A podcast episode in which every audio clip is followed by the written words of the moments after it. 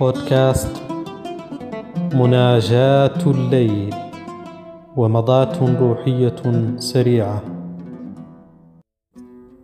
السلام عليكم ورحمة الله وبركاته.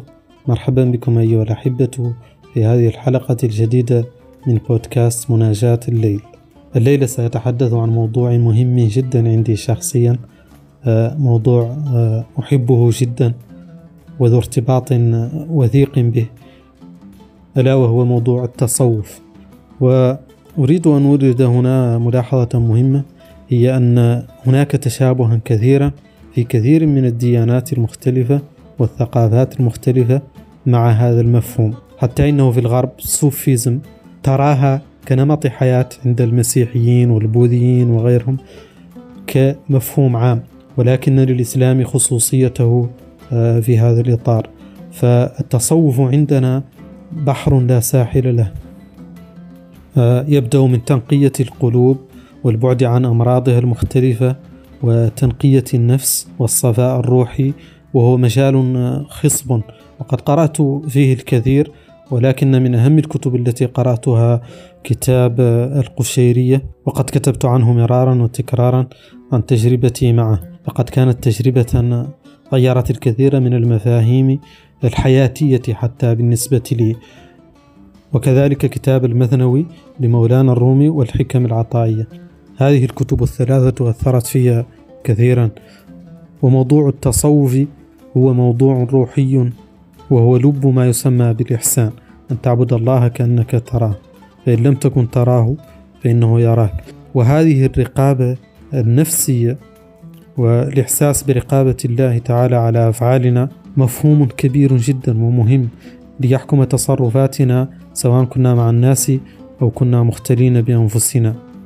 والحديث عن التصوف عموما آه، كما قلت بحر لا ساحل له. وهناك عدة مدارس للتصوف هناك عدة طرق هناك حتى عدة طقوس ربما.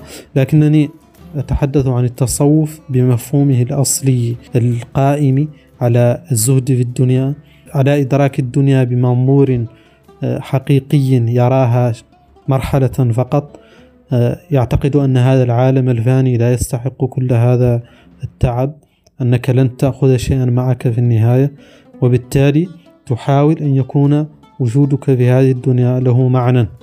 بأن تحاول مساعدة الناس والناس هنا العالمين لأن النبي صلى الله عليه وسلم إنما أرسل رحمة للعالمين ليس فقط للمسلمين ولا لغيرهم. أن تحاول أن تكون رحمة للناس جميعا أن تحاول أن ترى الإنسان أن ترى جوهر الإنسان. خلف هذه الثقافات والديانات والألوان والأعراق وغيرها.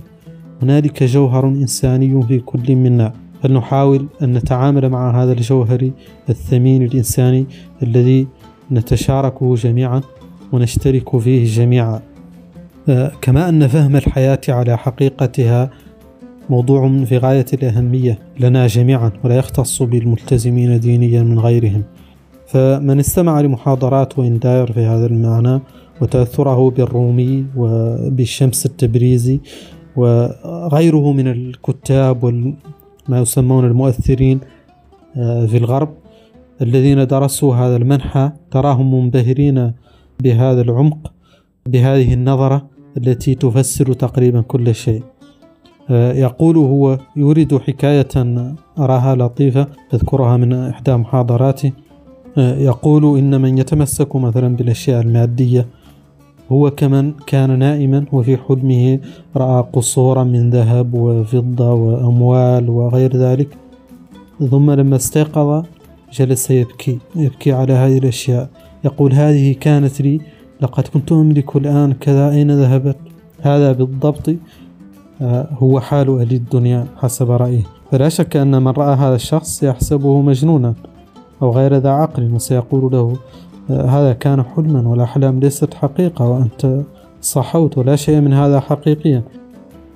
فهذا حال أهل الدنيا من يتمسك بالأمور المادية لأنه في النهاية لن يحصل على شيء من هذه الدنيا لأنها فانية ولأنه هو نفسه فاني. هذه القضية مهمة جدا. القضية الأخرى هي قضية الإنسانية أو رؤية الناس كلها بهذا المنظور الإنساني الجامع. القضية الثالثة آه، هي المراقبة.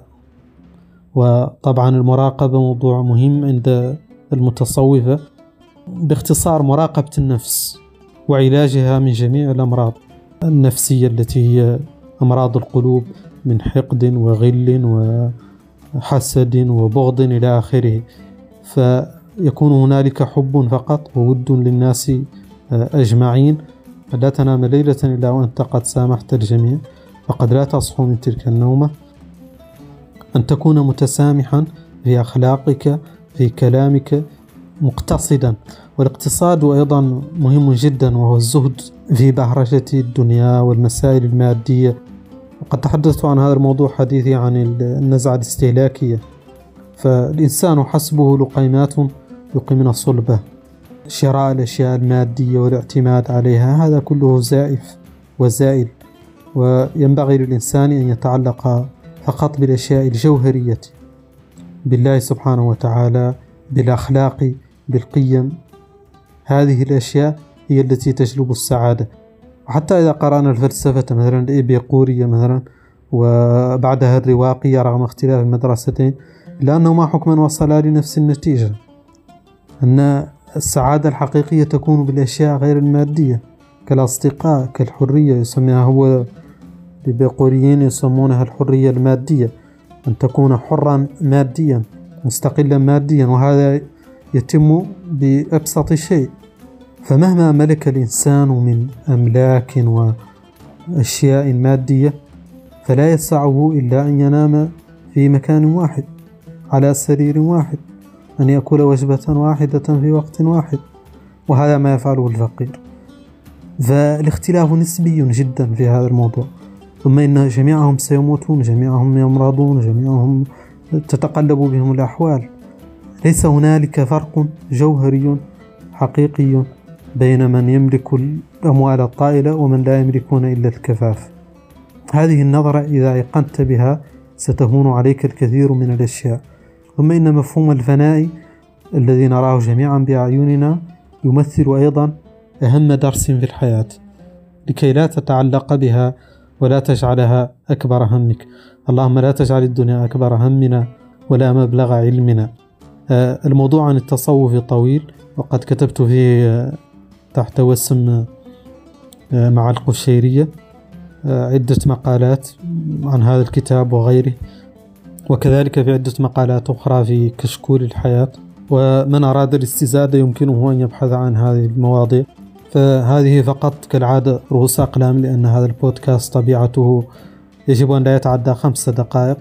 ولكن في الواقع دائما نتعدى هذه الخمس دقائق. فعلى الأقل أريد أن أبعث روح الاستكشاف حب المطالعة. فإذا أثرت في أحدهم مجرد نهم للقراءة أو لمواصلة البحث فيكون هذا البودكاست قد أدى مهمته. شكرا لكم. والسلام عليكم ورحمة الله وبركاته.